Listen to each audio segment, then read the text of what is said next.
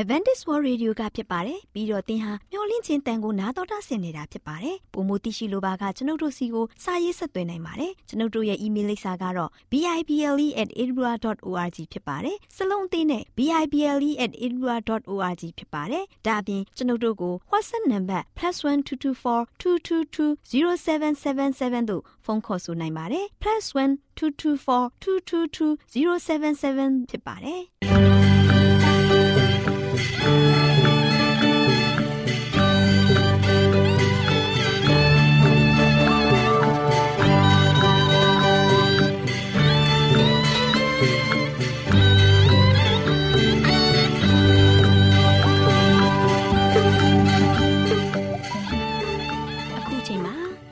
တော်ကိုမျော်လင့်သောတတ္တမနှင့်အသင်းတော်ရဲ့ရေဒီယိုအစီအစဉ်ဖြစ်တဲ့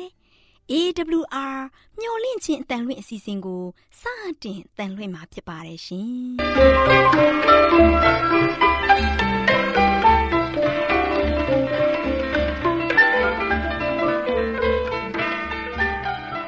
။တော်တာရှင်များခင်ဗျာမျော်လင့်ခြင်းအတန်မြန်မာအစီအစဉ်ကိုနက်နက်6နိုင်မိနစ်30မှ9နိုင်အထိ16မီတာ။ kHz 10653ညညပိုင်း9နိုင်မှ9နိုင်မိနစ်30အထိ16မီတာ kHz 19533ညမှနေ့စဉ်အတန်လှွင့်ပေးနေပါတယ်ခင်ဗျာသောတာရှင်များရှင်ဒီကနေ့တင်ဆက်ထုတ်လွှင့်ပေးမယ့်အစီအစဉ်တွေကတော့ကျမ်းမာပျော်ရွှင်လူပေါင်းတွင်အစီအစဉ်တရားဒေသနာအစီအစဉ်အထွေထွေဘုဒ္ဓအစီအစဉ်တို့ဖြစ်ပါတယ်ရှင်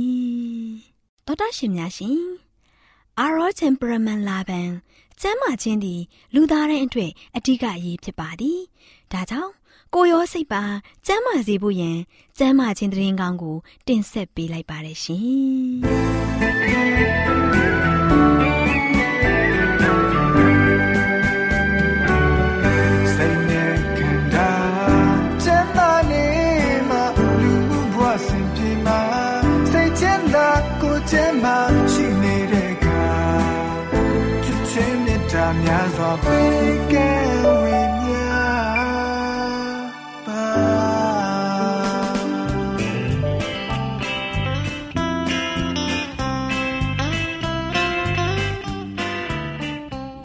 တော်တရှင်မိတ်ဆွေများရှင်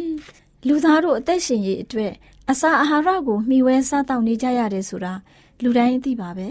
ဒီလိုမျှဝဲစားတောက်ကြတဲ့အခါမှာစားတောက်မှုမမှန်ကန်တာတွေစားတောက်မှုအချိန်မတော်တာတွေကြောင့်ကျန်းမာရေးထိခိုက်လာလို့ယောဂဗျာတွေတိုးပွားပြီးဒုက္ခဝေဒနာတွေခံစားကြရတာဖြစ်တယ်။ဒါကြောင့်အစာအာဟာရတွေကိုကျန်းမာရေးနဲ့ညီညွတ်အောင်ဘယ်လိုစားသောက်သင့်တယ်လဲဆိုတာသိရှိဖို့အတွက်ကျမတို့မျှဝင့်ခြင်းအတမထုတ်လွှင့်ပေးမဲ့ အစာအာဟာရဆိုင်ရာအကြံပေးချက်တွေကိုလေ့လာမှတ်သားကြပါစို့။သောတာရှင်များရှင်ဒီကနေ့အစာအာဟာရဆိုင်ရာအကြံပေးချက်ကဏ္ဍမှာ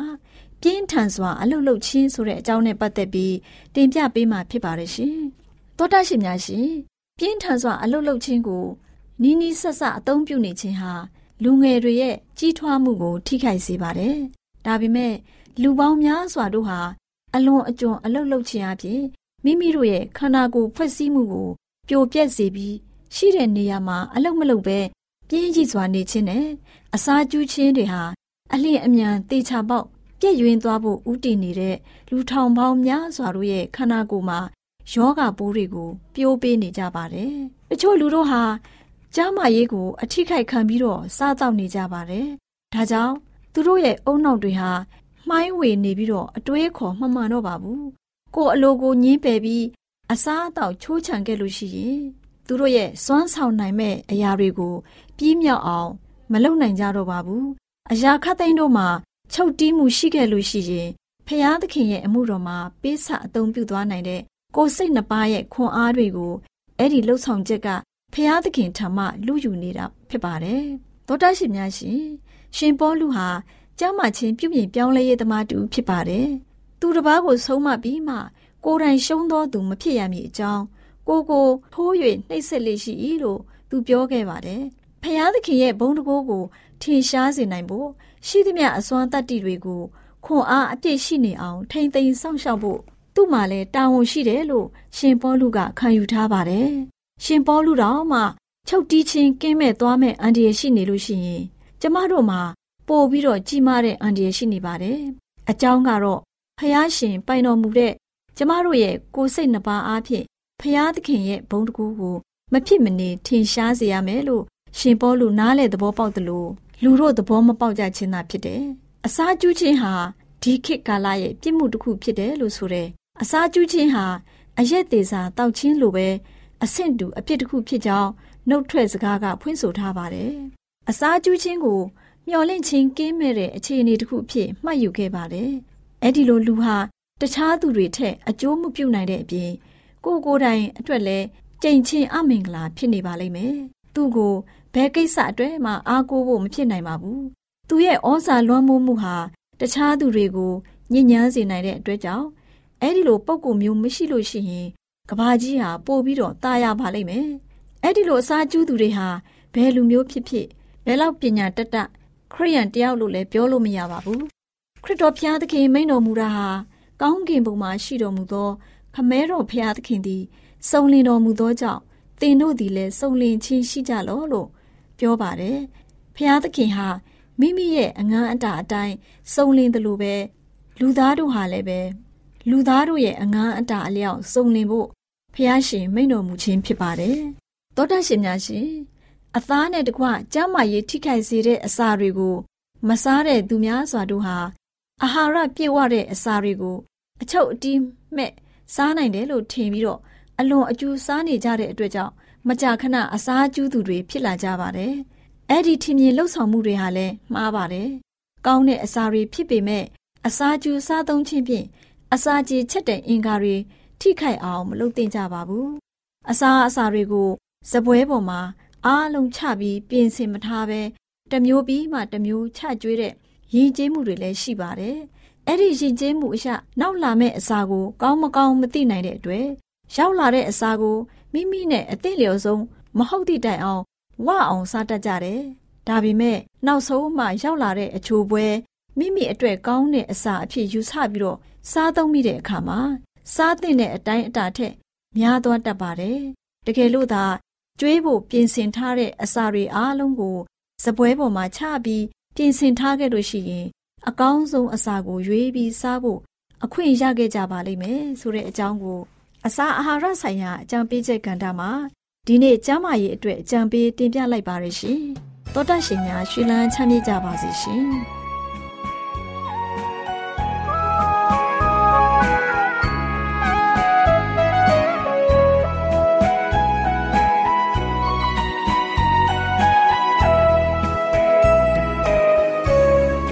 စကြောင်းလေးစီ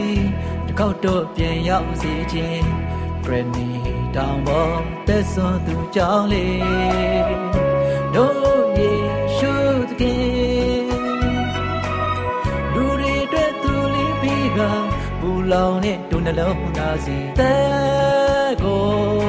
စတေးကရွေးနှုတ်ခဲ့ခဲ့တဲ့ပေးခဲ့ပြီလေ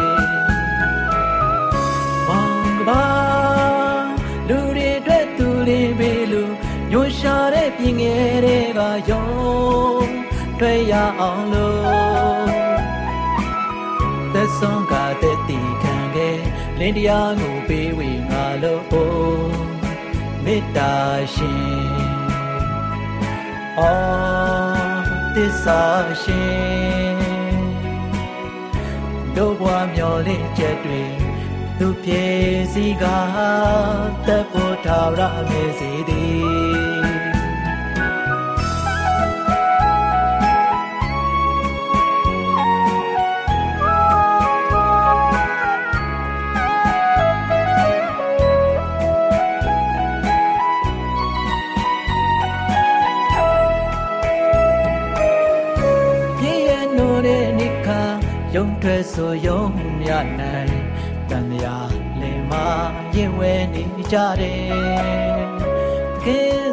ရှင်များရှင်တရားဒေသနာတော်ကိုသိခါတော်ရဓမ္မဆရာဦးတင်မောင်ဆန်းမှဟောကြားဝင်ငါပေးมาဖြစ်ပါတယ်ရှင်။နာတော်တာဆင်ရင်ခွန်အားယူကြပါစို့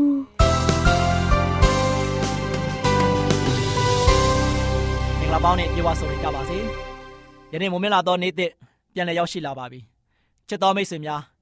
ယခုလောဒီဇင်ဘာလဆိုလို့ရှိရင်လူတိုင်းလူတိုင်းကရင်ခုန်စွာနဲ့မျောလင်းတန်းတနေတဲ့ခရစ်တော်မွေးဖွားခြင်း နဲ့ပတ်သက်ပြီးတော့ပွဲတော်တွေပြုလုပ်ကျင်းပကြတယ်ခရစ်တော်မွေးဖွားခြင်းအပြင်ယနေ့လူသားတွေကဆိုရှင်ပျော်ရွှင်ကြတယ်လူမျိုးမရွေးဘာသာမရွေးအားလုံးကဆိုရှင်ခရစ်တော်ရဲ့မွေးနေ့ရာသီရောက်လာပြီဆိုရင်ဒီဒီဇင်ဘာလကိုတတ်မှတ်ပြီးတော့ပျော်ပွဲရှင်ပွဲတွေလုပ်ကြတယ်နော်ဖះကိုပုံအားကြတယ်ချစ်တော်မိတ်ဆွေကျွန်တော်တို့အဲ့ဒီလိုမျိုးကိုစိတ်နှလုံးသုံးပါပျော်ရွှင်ုံထက်မပြီးသေးပါဘူး ယနေ့သခင်ခရစ်တော်ကိုကျွန်တော်တို့နှလုံးသားထဲမှာဖိတ်ခေါ်ပြီးတော့ပျော်ရွှင်ဖို့ရည်ကြည်ပါတယ်ခရစ်တော်ဘုရားဒီလောကကဘာကြီးကိုမွေးဖွားခြင်းဟာကျွန်တော်တို့အတွက်ပါလားကျွန်တော်တို့အတွက်မိတ်ဆွေတို့အတွက်တကယ်မွန်မြတ်ပါတယ်ကျွန်တော်ကျမတို့အတွက်တကယ်မွန်မြတ်တဲ့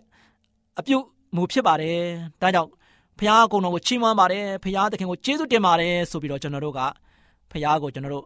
ကုံတော်ကိုချီးမွမ်းဖို့ဖြစ်ပါတယ်ချစ်တော်မိတ်ဆွေ ဒီနေ့တာယာသောနေ့တင်မှာဆက်လက်ပြီးတော့ပေးသွားခြင်းနဲ့မျောလင့်ခြင်းဓမ္မဒေသနာကတော့သူငယ်တော်ကိုနာမည်ပေးခြင်းဆိုပြီးတော့သတင်းစကားပေးသွားခြင်းပါတယ်အဲသူငယ်တော်ကိုဘယ်လိုနာမည်ပေးမလဲသူငယ်တော်ကိုနာမည်ပေးဖို့ရန်အတွက်မာရိအပြုကမြာမာရိဒီမှာဆိုရှင်ကောင်းကင်တမန်လာတဲ့ခါမှာပြောထားခဲ့ပြီးပါပြီကောင်းကင်တမန်ကပြောလဲမာရိမင်းရ1 byte ထဲမှာဆိုလို့ရှိရင်ပရိသတ်တွေလာယူမဲ့သူပါလို့ရှိရင်ဖရာသခင်ကိုယ်တိုင်ဖြစ်တယ်အဲ့ဒီအတွက်ကြောင့်သူ့ကို ယေရှုလို့နာမည်မဲ့ရမယ်နော်ခရစ်တော်ယေရှုဆိုပြီးတော့နာမည်မဲ့ရမယ်ဆိုပြီးတော့ကောင်းကင်တမန်ကအတိလင်ပေးထားခဲ့တယ်ဒါကြောင့်ဒီနာမည်ကပေးပြီးသားနာမည်လည်းဖြစ်တယ်အဲ့ဒီခေတ်ချိန်ကတော့အရေးပြားနေခြင်းဟာယူဒလူမျိုးတွေရဲ့အလွန်ရှေ့ကျတဲ့ဒလိထုံးစံတစ်ခုဖြစ်ပါတယ်ဒီအရေးပြားနေခြင်းအခမ်းအနားဟာလို့ရှိရင်သူရဲ့လူမျိုးတွေအတွက်ဖရာသခင်ရဲ့ဂရိတော်များကိုပုံဆောင်တဲ့အခမ်းအနားဖြစ်ပါတယ်ဒီအခမ်းအနားကိုမွေးဖွားလာတဲ့ကလေးငယ်ရဲ့အသက် 9ရက်ပြည့်တဲ့နေ့မှာဆိုလို့ရှိရင်လောက်ရတယ်အဲ့ဒီနေ့မှာပဲကလေးရဲ့နာမည်ကိုမှဲ့ရတယ်ယေရှုဆိုတဲ့နာမည်လို့ရှိရင်ဟေပြဲစကားဖြစ်ပြီးတော့အတိတ်ပဲကတော့ကဲတင်ရှင်ဖြစ်တယ်ချစ်တော်မိတ်ဆွေဒါကြောင့်ယေရှုဆိုတဲ့နာမည်လိုပဲမှဲ့ရမယ်ဒါကြောင့်တပတ်ကြာပြီးဖြစ်တဲ့အတွက်ကြောင့်ကလေးငယ်ကိုနာမည်ပေးဖို့ရန်အတွက်အချိန်ရောက်လာတဲ့ခါမှာလို့ရှိရင်ယေရှုလို့အမည်ပေးတယ်ယေရှုဆိုတဲ့နာမည်ရလို့ရှိရင် သူမမွေးဖွားမိကလေးကနေမှကောင်းကင်တမန်တွေကပေးထားတဲ့နာမည်ဖြစ်ပါတယ်ဒါကြောင့်သခင်ယေရှုအားလို့ရှိရင်သူရဲ့မိဘဖြစ်တဲ့ယောသနဲ့မာရိယာဆိုရှင်သခင်ယေရှုကိုဗိမာန်တော်၌စက္ကအနံခဲ့တယ်ရှင်လုကာခရစ်ဝင်ခန်းကြီး1အငယ်28နှစ်ကနေ38ကိုကြည့်လိုက်မယ်ဆိုရင်ခရစ်တော်ကိုဗိမာန်တော်မှာစက္ကအနံခြင်းကိုတွေ့ရမှာဖြစ်ပါတယ်ယေရုရှလင်မြို့မှာနေတဲ့ရှေမောင်ဆိုတဲ့သူဟာဆိုရှင်ဖယားတရားဂျိုးသေးလေးစားသူဖြစ်တယ်သူမသေးခင်မှာကဲတရှင်ကိုဖူးတွေ့ရမယ်လို့ ဖယားသခင်နဲ့သူဟာဆိုရှင်ဂရိတော်ရှိခဲ့တယ်ဖယားသခင်ရဲ့ပညာတော်နဲ့စကားတော်ကိုနားထောင်လို့တဲ့မာရိနဲ့ယောသားဆိုရှင်သူငယ်တော်ယေရှုကိုယေရုရှလင်မြို့သို့ခေါ်ဆောင်သွားခဲ့တယ်။ဒါကြောင့်သားဦးယောက်ျားမှန်သမျှကိုဖျားသခင်တန်ဆက်ကပ်ရမယ်လို့ဖျားသခင်ရဲ့ပညာတော်ရှိတယ်။သူငယ်တော်လေးရဲ့မိဘနှစ်ပါးဆိုလို့ရှိရင်ဂျိုးငှက်ကလေးနှစ်ကောင်ကိုပူဇော်ဆက်ကပ်ကြတယ်။ ရှီမောင်ဆိုသူဟာဆိုလို့ရှိရင်ယေရုရှလင်မြို့မှာဆိုလို့ရှိရင်နေထိုင်တယ်။သူဟာလူကောင်းတစ်ယောက်ဖြစ်ပြီးတော့ဖျားသခင်ကိုချစ်တဲ့သူဖြစ်တယ်။သူဟာကဲတင်ရှင်ကိုမမြင်ရသေးပဲမသေးနိုင်ဘူးလို့ဖျားသခင်ရဲ့တန်ရှင်းသောဝိညာဉ်တော်ကပြောခဲ့ပြီးဖြစ်ပါတယ်။ဒါကြောင့်တန်ရှင်းသောဝိညာဉ်တော်အားလို့ရှိရင်ရှီမောင်ကိုဗိမာန်တော်ထဲသို့ဝင်ဖို့ပို့ဆောင်ခဲ့တယ်။အဲဒီချိန်မှာလို့ရှိရင်သူငယ်တော်ရဲ့မိဘနှစ်ပါးဟာသူငယ်တော်လေးကိုပွေ့ချပြီးတော့ဗိမာန်တော်ထဲသို့ဝင်လာပါတယ်။ ရှီမောင်ဟာလို့ရှိရင်သူငယ်တော်ကိုလက်ထဲမှာပွေ့ပိုက်ပြီးတော့ဖျားသခင်ရဲ့ကျေးဇူးတော်ကိုချီးမွမ်းတယ်။သူကသခင်ယခုကျွန်ုပ်အေးချမ်းငြိမ်သက်စွာသိနိုင်ပါပြီဆိုပြီးတော့ပြောလိုက်ပါတယ်။ဒါသင်ဟာကျွန်ုပ်အားကယ်တင်ရှင်ကိုဖူးမြင်ခွင့်ပြုပါပြီ။သင်ဟာလူအားလုံးအတွက်သူ့ကိုအသင့်ဖြစ်စေပါပြီ။သူဟာလူမျိုးတကာတို့အားသင်ရဲ့လမ်းကိုပြညွန်လိုက်မယ်။သူဟာတို့ရှင်သင်ရဲ့လူမျိုးဣသေလလူတို့အား ဂုံတရေကိုစောင်းယူပေးလိုက်မယ်။သူငယ်တော်ရဲ့မိဘတွေအားလို့ရှိရင်ရှင်းမောင်ပြောတဲ့စကားတွေကြောင့်အံ့ဩနေကြတယ်။ရှင်းမောင်တို့ရှင်သူတို့ကိုကောင်းချီးပေးပြီးတော့မာရိကိုဒီသူငယ်ဟာလို့ရှိရင်ဣသေလလူမျိုးများအတွက်ဖျားသခင်ရွေးထားတဲ့သူဖြစ်တယ်။များစွာသောသူတို့ဟာလို့ရှိရင်သူ့ကိုစန့်ကျင်ကြမယ်။အဲဒီလူတွေကိုလည်းပျောက်ဆုံးသွားမယ်။တချို့ကသူ့စကားကိုနားထောင်ပြီးတော့ကဲတင်ခြင်းခံရမယ်။အားလုံးတို့ရဲ့လျှို့ဝှက်ချက်တွေကိုအလင်းထဲမှာသူ ဖော်ပြလိုက်မယ်။သင်အားဝမ်းနဲ့စေသောအရာတွေလည်းဖြစ်ပေါ်လိမ့်မယ်လို့ရှီမောင်ကပြောပါတယ်။အဲ့ဒီချိန်မှာလို့ရှိရင်ဟန်နာဆိုတဲ့အသက်84နှစ်ရှိပြီးဖြစ်တဲ့ဖရာသခင်ကိုယိုသေးတဲ့အသက်ကြီးသူအမျိုးသမီးကြီးတဦးရှိတယ်သူမဆိုချင်းနှစ်ပေါင်းများစွာမဆုံးမတယောက်ဖြစ်ပြီးတော့ဗိမာန်တော်ထဲမှာနေထိုင်ခဲ့တယ်သူမကနေရောညပါဆူတောင်းခြင်းအစာရှောင်ခြင်းအပြင်ဖျားသခင်ကိုဝိပုကိုးကွယ်လည်းရှိတယ်သူမလည်းပဲသူငယ်တော်ယေရှုကို တွေ့မြင်ခဲ့ပြီးတော့ ဖျားသခင်ကိုကျေးဇူးတင်ခဲ့တယ်ဒါကြောင့်သူ့ရဲ့လူတွေကိုအပြစ်မှကယ်တင်မဲ့ဖျားသခင်အားစောင့်မျှော်နေကြတဲ့သူတွေကိုသူငယ်တော်လေးရဲ့အကြောင်းကိုပြောပြတယ်ချစ်တော်မိတ်ဆွေတို့အဲ့ဒီချိန်ကစပြီးတော့သူငယ်တော်ယေရှုအကြောင်းဟာဆိုလို့ရှိရင်တဖြည်းဖြည်းနဲ့ပွားများလာပြီတဖြည်းဖြည်းနဲ့လူတွေသိလာပြီခုနကတိုးထိန်တွေကလည်းသူငယ်တော်ကိုအရင်ဆုံးတွေ့တဲ့ခါမှာသူငယ်တော်ကိုဖူးတွေ့ပြီးတာနဲ့ပဲအဖြစ်မှန်တွေကိုအားလုံးကို တယောက်ပြီးတယောက်တယောက်ပြီးတယောက်သူ့စကားကိုယ်စကားကိုယ်စကားသူ့စကားပြောပြကြတဲ့ခါမှာသတင်းစီကပြန့်ပြီအခုကလည်းဟန်နာကလည်းတခါတည်းဒီသူငယ်လေးကိုတွေ့ရတဲ့ခါမှာမနေနိုင်ဘူးသူတငယ်ချင်းတွေရောအကုန်လုံးလိုက်ပြီးတော့ပြောပြတယ်ချစ်တော်မိတ်ဆွေဒါကြောင့်သူငယ်တော်ရဲ့မွေးဖွားခြင်းရလို့ရှိရင်ယနေ့လူသိထင်ရှားမွေးဖွားလာတာဖြစ်ပါတယ်ကောင်းကင်တမန်တွေလည်းသိတယ်လို့သိုးထိန်လည်းသိတယ် နော်ယေဘရဟိလည်းသိတယ်လို့မိုးဆိုးမလည်းသိတယ်ဒါကြောင့်ချစ်တော်မိတ်ဆွေယနေ့ကျွန်တော်တို့အတွက်မွေးဖွားလာတဲ့သူငယ်တော်ဟာလို့ရှိရင်သူ့ရဲ့နာမည်ကယေရှုဖြစ်တယ်ယေရှုကတော့ကျွန်တော်တို့ကိုကယ်တင်မဲ့အရှင်သခင်ဆိုပြီးတော့အတိတ်ပဲရတယ်ကျွန်တော်တို့ကိုကယ်တင်ခြင်းစီမံကိန်းအတွက်သူလောကကမ္ဘာကြီးမှာလာရောက်ပြီးတော့မွေးဖွားခြင်းဖြစ်တယ်ဆိုတာကိုတင်ပြခြင်းပါတယ်ဒါချစ်တော်မိတ်ဆွေတို့ယနေ့ကြားနာရတဲ့သတင်းစကားအတိုင်းသခင်ယေရှုဆိုတဲ့နာမည်ဟာလို့ရှိရင်ယနေ့ ကျွန်တော်တို့လောကသားတွေမှဲ့တဲ့နာမည်မဟုတ်ဘဲနဲ့ကောင်းကင်ကနေမှမှဲ့ခိုင်းတဲ့နာမည်ဖြစ်တဲ့အတွက်ကြောင့်ဒီနာမည်ရဲ့အတိတ်ဘက်ကကယ်တင်ရှင်ဖြစ်တဲ့အတွက်ကြောင့်ယနေ့ကျွန်တော်တို့ရဲ့ကယ်တင်ရှင်သည်ကမ္ဘာလောကမှာဧကံမုတ်ချတကယ်မှန်မှန်ကန်ကန်နဲ့မှန်ကန်စွာမွေးဖွားလာတယ်ဆိုတာကိုကျွန်တော်တို့သိပြီးဖြစ်တဲ့အခါမှာယနေ့ပဲသင်တို့နှလုံးသားထဲမှာသခင်ယေရှုကိုဖိတ်ခေါ်ကြပါစို့သခင်ယေရှုရဲ့မွေးဖွားခြင်းမှာသင်တို့ရဲ့နှလုံးသားထဲမှာလည်းမွေးဖွားယူကြပါစို့ သင်တို့အားလုံးဝမ်းမြောက်ပျော်ရွှင်ငြိမ်သက်ခြင်းနဲ့ထောပနာတိကျူးနိုင်ကြပါစေလို့ဆုတောင်းဆန္ဒပြုရင်းနေကုန်းချုပ်ပါတယ်အားလုံးပေါ်ဘုရားကောင်းကြီးချပေးပါစေထေကောင်းငင်ပေါ်၌တရှိတော်မူသောဖဖျားကိုတော်ဒီသားသမီးတို့အတွက်ဤလောကကဘာကြီးကိုလာရောက်မွေးဖွားခဲ့တယ်မွေးဖွားတဲ့အခါမှာလဲကိုတော်ရဲ့နာမည်ကိုယေရှုဆိုတဲ့နာမည်နဲ့မှဲ့ခဲ့ပါတယ်ဤနာမည်သည်ကယ်တင်ရှင်ဆိုတဲ့အဓိပ္ပာယ်ရပါတယ်ဒါကြောင့်ကိုတော်ဒီကယ်တင်ရှင်ဆိုတဲ့အတိုင်းပဲ သားသမီးတို့အတွက်ကယ်တင်ဖို့ရန်အတွက်လောကကဘာကိုလာရောက်ခဲ့တဲ့အတွက်လည်းကျေးဇူးတော်ကိုချီးမွမ်းပါတယ်ယနေ့ဤကိုတော်ရှင်ဖဖျားယေရှုနာမည်အကြောင်းကိုသိရတဲ့အခါမှာ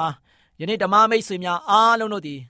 ကိုတော်ဒီတကယ်အမှန်တကယ်မိမိတို့ရဲ့ကယ်တင်ရှင်ဖြစ်ကြောင်းကိုသိရှိတဲ့အခါမှာမိမိရဲ့နှလုံးသားထဲ၌ကိုတော်ဖျားကိုဖိတ်ခေါ်ပြီးတော့တက်ရှင်၍ဝမ်းမြောက်ကြတော်မူတည်တည်ဖြစ်ဖို့ရန်အတွက်မားတော်မူမိအကြောင်း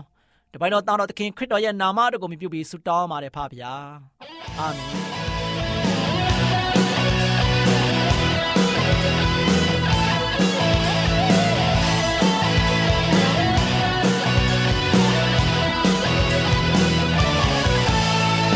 ခရစ်မတ်ခရစ်မတ်လူတွေတော်ရမယ်မယ်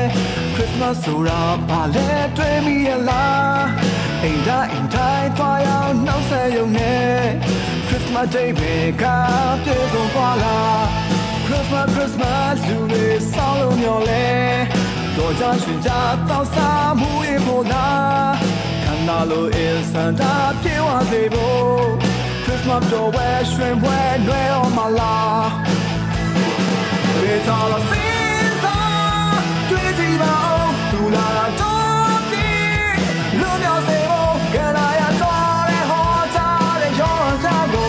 ချိန်မှာ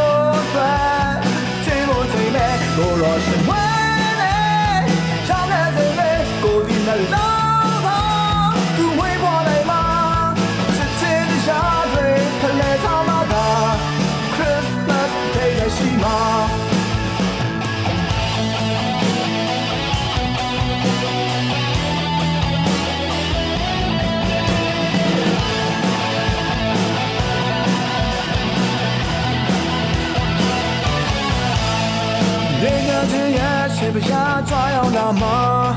အလုံးကြည့်ကြပေမဲ့လိုက်ချင်ရဲ့လားတိုက်ကြခိုက်ကြရှင်တွေဖြစ်ချနေစေ Christmas Day ပဲကလွယ်မှာပေါ်မှာ Christmas Christmas လူတွေပြောရပေမဲ့ Christmas ဆိုတာဘာလဲတွေ့မိရလားအင်တိုင်းတိုင်းပွားရောက်နှုတ်ဆက်ရုံနဲ့ Christmas Day ပဲကပြည့်စုံသွားလား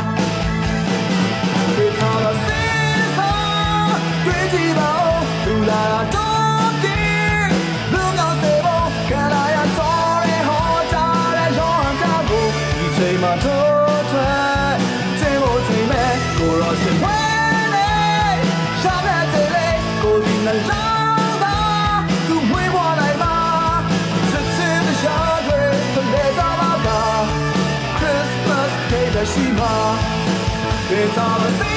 脏，对起吧哦，杜拉拉多皮，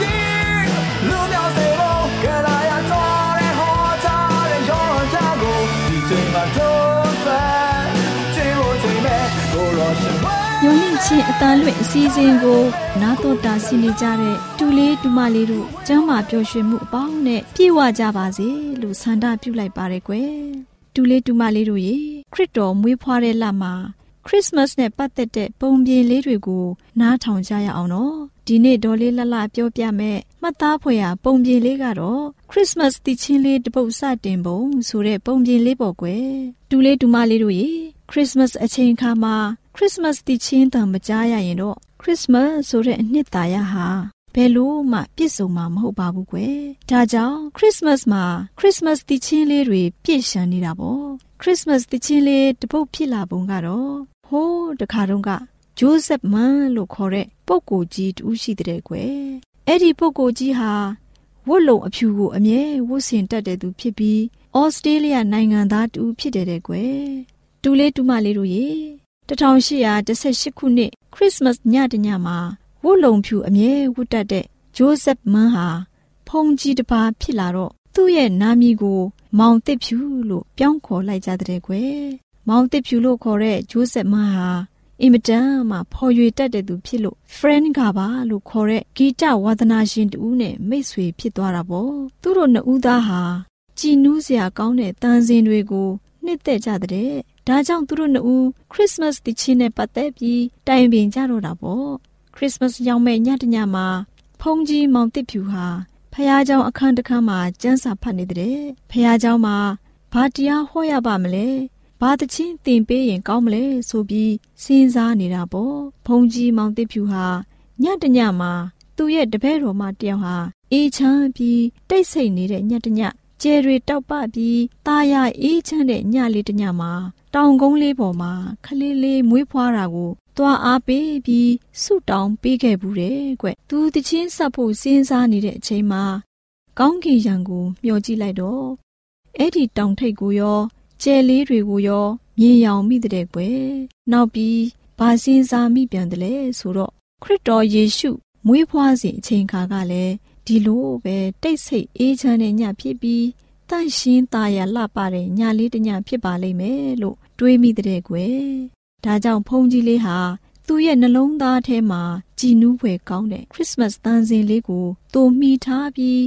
ယေရှုခရစ်တော်ဟာကယ်တင်ရှင်အဖြစ်မွေးဖွားခဲ့ပြီးတိတ်ဆိတ်တန့်ရှင်းတဲ့ညတညမှာမွေးဖွားခဲ့တယ်ဆိုပြီးတချင်းစာသားကိုစတ်တော်တာပေါ့ကွယ်။တချင်းဆက်ပြီးတဲ့နောက်နောက်တနေ့မိုးလင်းတဲ့အခါမှာသူဆက်ထားတဲ့တချင်းစာရွက်လေးကိုယူပြီးသူ့ရဲ့တငယ်ချင်းစီကိုသွားပြီးတော့တန်စင်ရှာတော့တာပေါ့ သူ့ရဲ့တငယ်ချင်းလဲတချင်းရဲ့အတိတ်ဘယ်ကိုတိတ်သဘောကျသွားပြီးတော့ဒီတချင်းဟာတိတ်ပြီးပြည့်စုံတဲ့တချင်းစိတ်ကိုကြည်လင်စေတဲ့တချင်းဖြစ်တယ်ဆိုပြီးချီးမွမ်းတာပေါ့ကွယ်နောက်ပြီးဖះเจ้าမှာတီးဆိုဖို့ဆုံးဖြတ်လိုက်ကြတယ်။တချင်းလေးကဘယ်လိုအတိတ်ပဲရလဲဆိုရင်တိတ်ဆိတ်နေပြီးတန့်ရှင်းတဲ့ညလေးမှာသူငယ်တော်ယေရှုလေးအိတ်နေတဲ့အခါမှာကောင်းကင်မှကြဲကြီးဟာထွန်းလင်းတောက်ပတဲ့ကွယ်တိတ်ဆိတ်တန့်ရှင်းညချိန်မှာ ကောင်းကင်တမန်တွေကသိုးထိန်တွေကိုကဲတင်ရှင်ဖွားမြင်ပြီးဖြစ်ကြောင်းကြွေးကြော်ကြတယ်။အရှိပြီမှပညာရှိကြီးများကိုလည်းထွန်းလင်းကြဲကြီးကလမ်းပြလျက်သူငယ်တော်ယေရှုရှိတဲ့နေရာကိုဆောင်ယူလာတဲ့အကြောင်းအံ့ဩဖွယ်ထွန်းလင်းတဲ့ကျဲတွေလည်းကောင်းကင်သားတွေနဲ့အတူဟာလေလုယာဆိုပြီးဂုဏ်တော်ကိုချီးမွမ်းကြတယ်ဆိုတဲ့အကြောင်းအဓိပ္ပာယ်ရပါတယ်ကွယ်။တချင်းလေးရဲ့ခေါင်းစဉ်ကတိတ်ဆိတ်ညတန့်ရှင်းညလို့ဆိုတဲ့ကွယ်။တဒီသချင်းလေးကိုခရစ်စမတ်ရောက်တိုင်းတကဘာလုံးကဘာသာအမျိုးမျိုးနဲ့တည်ဆိုကြတာဒီနှစ်အထိပေါ့ကွယ်ကြားရတဲ့လူတိုင်းကလည်းရင်ထဲမှာကြည်နူးပြီးတိတ်ပျော်ရွှင်ကြတာပေါ့ကွယ်တချင်းလေးစတင်တည်ဆိုတဲ့ခုနှစ်ကတော့1854ခုနှစ်ပေါ့ဒူလေးဒူမလေးတို့လည်းတိတ်ဆိတ်ညတန့်ရှင်းညဆိုတဲ့ခရစ်စမတ်တချင်းလေးကိုကြည်နူးဝမ်းမြောက်စွာတည်ဆိုရင်ခရစ်စမတ်မှာပျော်ရွှင်နိုင်ကြပါစေလို့ဒေါ်လေးလှလှဆုတောင်းလိုက်ပါရယ်ကွယ်ဒူလေးဒူမလေးတို့အားလုံးခရစ်စမတ်တချင်းလေးတပုတ်စတင်ပုံဆိုတဲ့ပုံပြင်လေးကိုနာတော်တာစီရင်ရွှေလန်းချမ်းမြေ့ကြပါစေကွယ်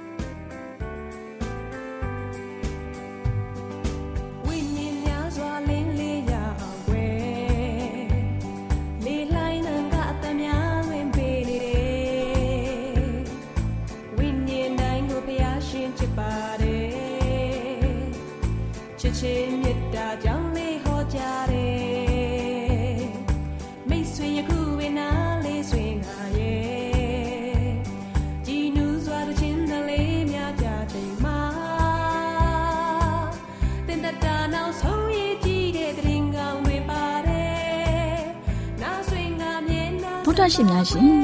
ကျမတို့ရဲ့ဓာတိတ်တော်စာပေးစာယူသင်တန်းဌာနမှာအောက်ပါသင်တန်းများကိုပို့ချပေးလျက်ရှိပါတယ်ရှင်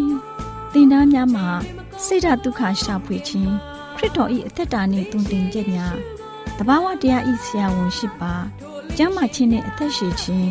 သင်နဲ့တင့်ကြမာရေးရှာဖွေတွေ့ရှိခြင်းလမ်းညွန်သင်ခန်းစာများဖြစ်ပါရဲ့ရှင်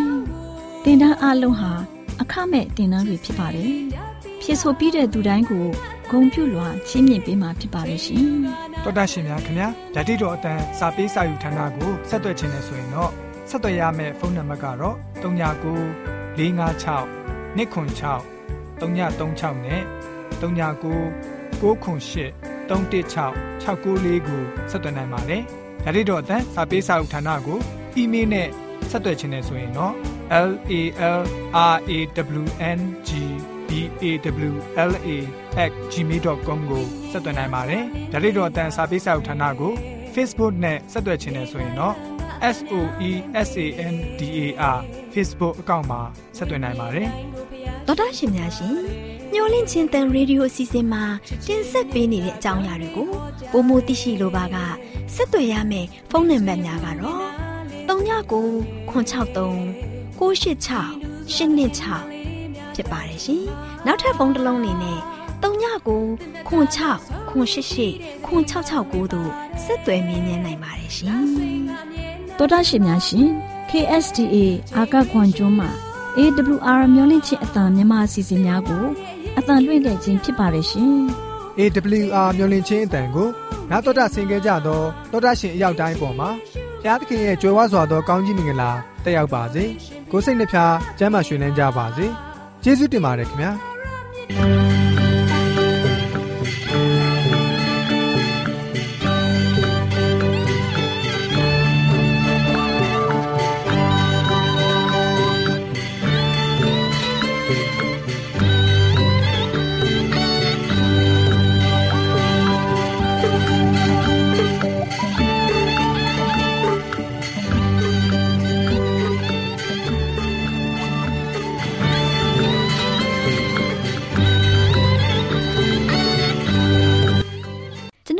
အစီအစဉ်များကိုနားတော်တာဆင်ရင်နှစ်သက်မယ်လို့မျှော်လင့်ပါတယ်။မိတ်ဆွေအနေနဲ့လက်ဆောင်လေးတစ်ခုကိုရချင်နေဆိုရင်တော့ကျေးဇူးပြု၍ bible@awr.org သို့စာရေးပေးပါ။ဒါမှမဟုတ်ကျွန်ုပ်တို့ကို WhatsApp နံပါတ် +1224 222 0777သို့ဖုန်းခေါ်ဆိုနိုင်ပါတယ်။